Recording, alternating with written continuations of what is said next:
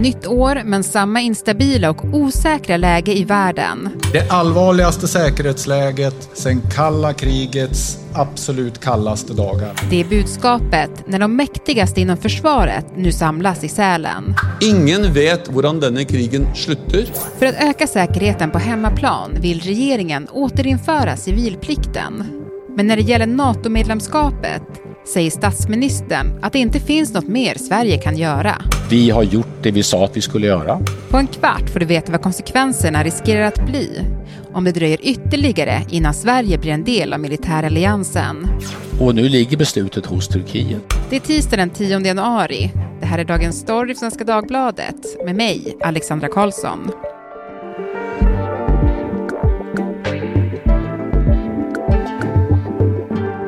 Therese Larsson Hultin, utrikesanalytiker här på Svenska Dagbladet, som just nu befinner sig på säkerhetskonferensen Folk och Försvar i Sälen. Hallå Therese, hur är läget hos dig? Hallå! Jo men det är bra, det är ganska snöigt och jag tittar ut här över Högfjällshotellet på en närmast Disneygran med massa kulörta kulor som är, som är eh, väldigt snötäckt fast det är efter, långt efter nyår. Mm, mysigt.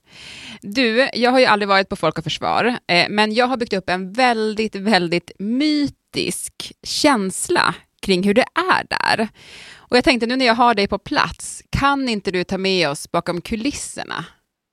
Mm. Jo, men det är lite speciellt. För det första så är det liksom, de flesta går omkring här i jag på att säga, myskläder, inte riktigt så illa men, men, men så här, det, det, är inte så mycket slipsar och kostymer utan det är liksom så här, koftor och, och tröjor. Eh, och så är det ju det är väldigt intimt kan man säga för det är, så, det, det, är en begränsad yta. Liksom. Det är ju det här högfjällshotellet i Sälen där man stöter ihop med människor hela tiden. Det är liksom några hundra människor som är här. Eh, och man ser alla och man kan prata med alla. Och det, är liksom, ja, men det, det är en speciell stämning faktiskt. Mm. Almedalen on Ice beskrev Henrik Torhammar som är eh, politisk kommentator här. Mm. Precis, och det, liksom, det ligger, jag såg det också och det ligger verkligen någonting. Jag gick här och småskrattade åt det i morse faktiskt. För att det, det är ett Almedalen fast mycket mindre. Almedalen är ju så stort och har ju verkligen växt. Här kan det ju inte växa hur mycket som helst. I år är det faktiskt också lite speciellt för att det är väldigt många fler här än normalt och framförallt så fler journalister.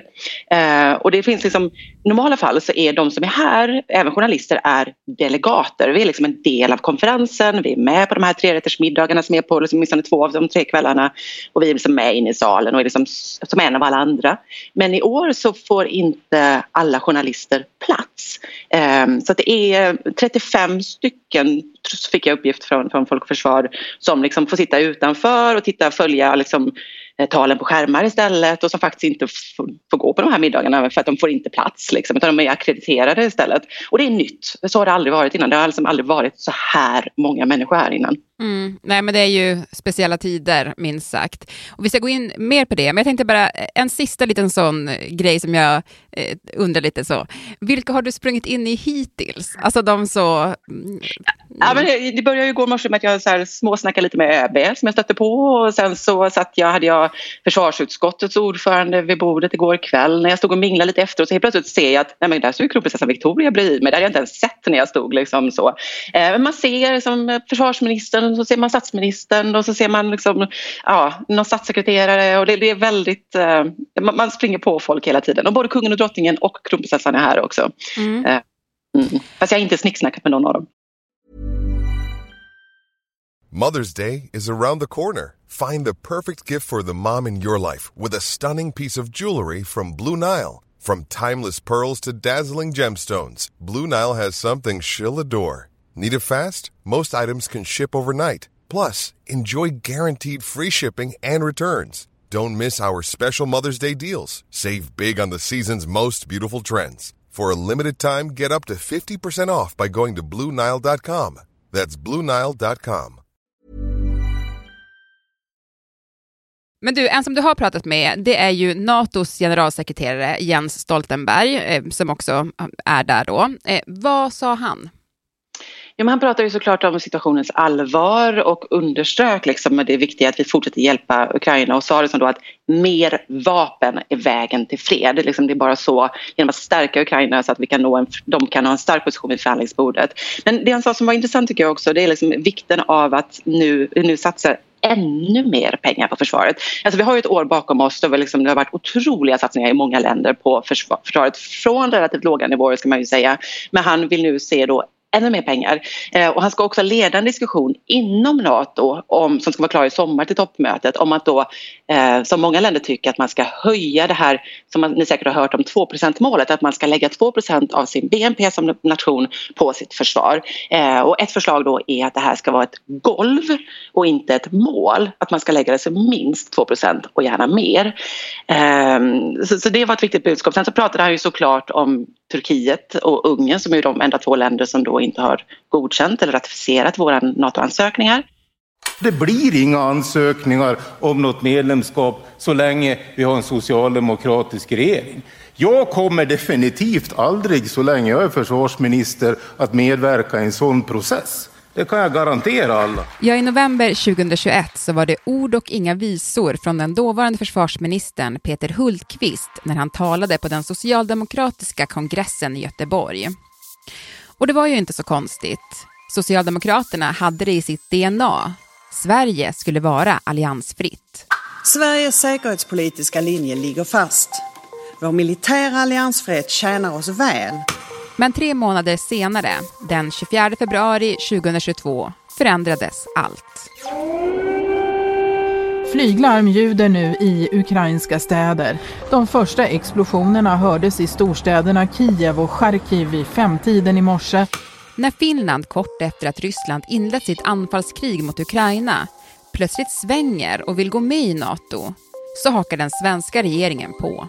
Det bästa för Sveriges och svenska folkets säkerhet är att vi går med i Nato. I maj 2022 lämnar Sverige in en ansökan om att få gå med i Nato. Det är en historisk händelse i svensk politik. Men det ska visa sig att vägen in i alliansen inte är så enkel som det lät från början. Och det finns framförallt en man som står i vägen. İsveç'in verilmiş olan sözü şudur. Turkiet säger fortsatt nej till Sveriges NATO-ansökan.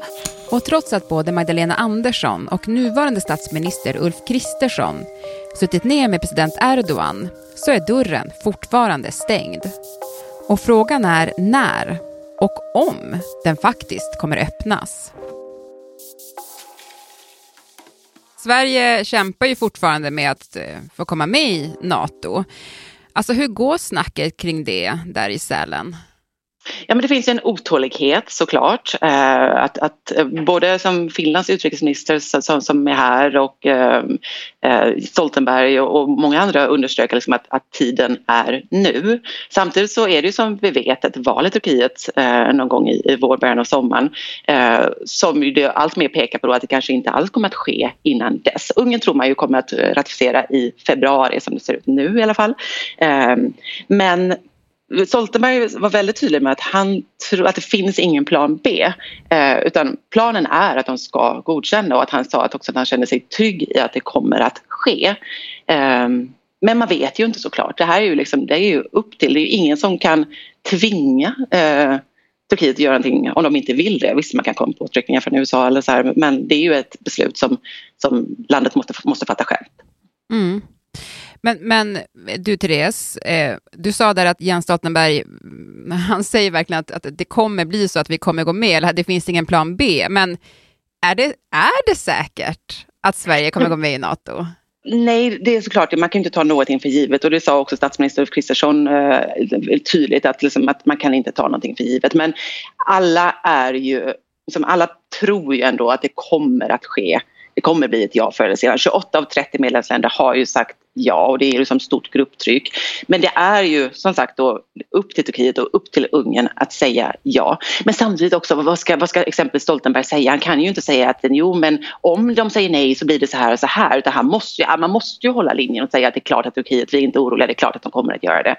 Um, men med det sagt, det mesta pekar ju på, alltså, jag, jag jag skulle ändå bli förvånad om de inte gör det till slut. Mm. Det är jobbigt för Sverige och Finland att, att Turkiet håller emot så här eh, hårt, men hur jobbigt är det för övriga NATO att de gör det? Ja, men jag, jag har pratat med mängder av NATO-människor under hösten och sådär. Eh, och alla framhåller att det, process, den här processen har ju gått otroligt fort. Eh, vi ansökte 18 maj, som för övrigt är min födelsedag, mm. eh, och redan i juli så, var ju, så blev vi ju godkända som då invitees, alltså som, som särskilt inbjudna då potentiella medlemmar. Och att det här är liksom en process, det har aldrig någonsin i Natos historia gått så här fort, det brukar ta år. Så även om det nu drar ut på tiden så är det ju fortfarande en extremt snabb process. Um, men med det sagt, alltså Finlands utrikesminister Haavisto han sa i en intervju med min kollega Karin Tufjell att eh, om inte vi skulle vara godkända om ett år så är det en kris för Nato. Ehm, men ja, det, det, det återstår, man får ju se tiden an. Liksom. Mm. Om vi går in lite mer på, på NATO, eh, så var du inne på det när du pratade med Jens Stoltenberg där, att även NATO förändras ju efter Rysslands invasion av Ukraina. Alltså vad är det för arbete som nu pågår i alliansen?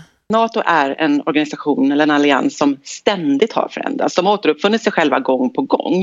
Eh, men, men, precis som du är inne på så förändras de nu igen. Eh, men det dras upp nya liksom, strukturer, man tar fram nya liksom, försvarsplaner. Inte minst då om vi, Sverige och Finland när eller om vi går med så kommer det tas fram helt nya liksom, planer för, för Östersjöområdet och hela den här nordliga delen.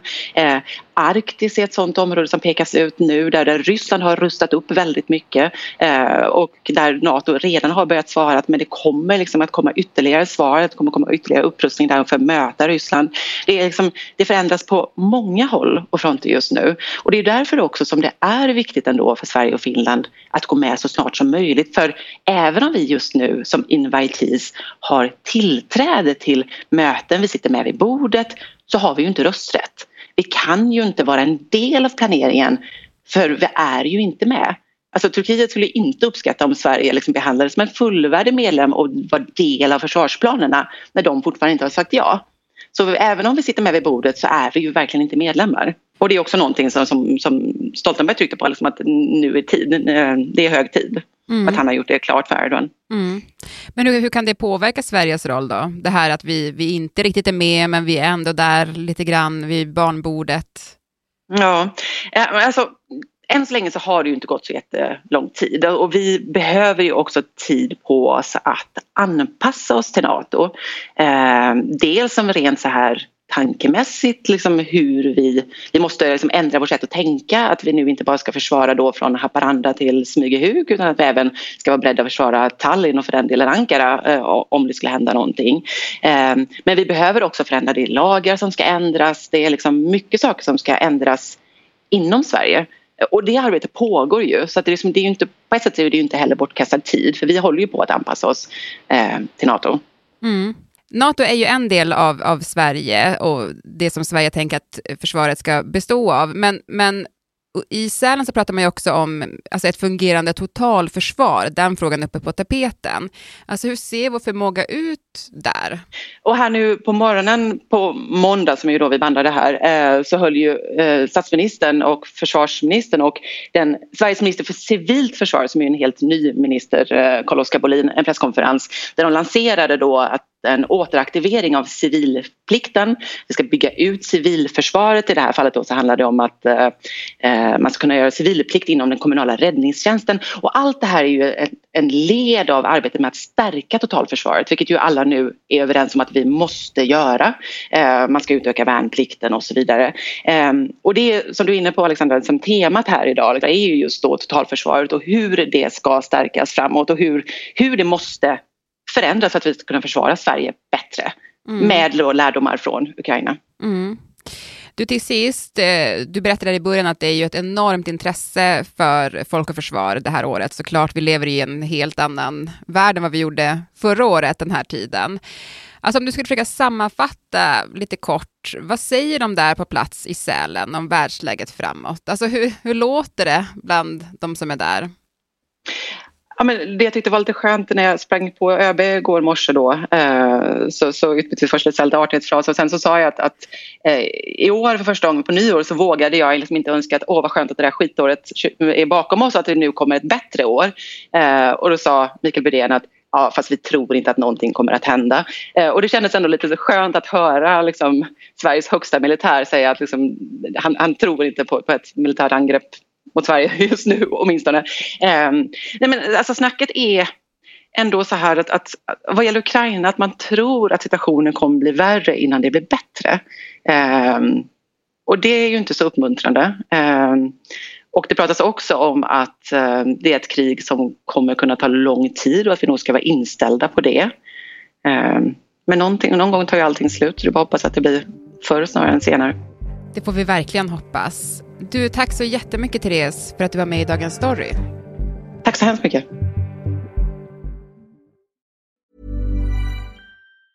Burrows furniture is built for the way you live.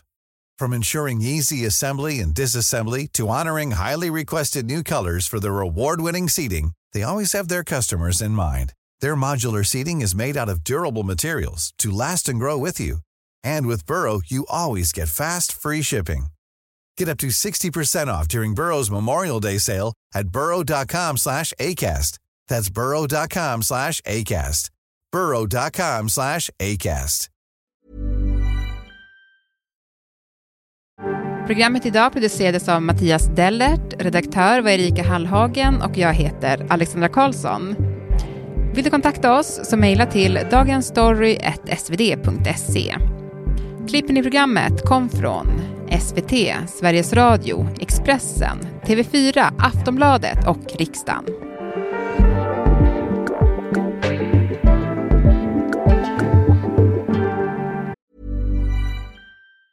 Hey, it's Danny Pellegrino from Everything Iconic. Ready to upgrade your style game without blowing your budget? Check out Quince. They've got all the good stuff shirts and polos, activewear, and fine leather goods, all at 50 to 80% less than other high end brands. And the best part? They're all about safe, ethical, and responsible manufacturing. Get that luxury vibe without the luxury price tag. Hit up quince.com slash upgrade for free shipping and 365 day returns on your next order. That's quince.com slash upgrade.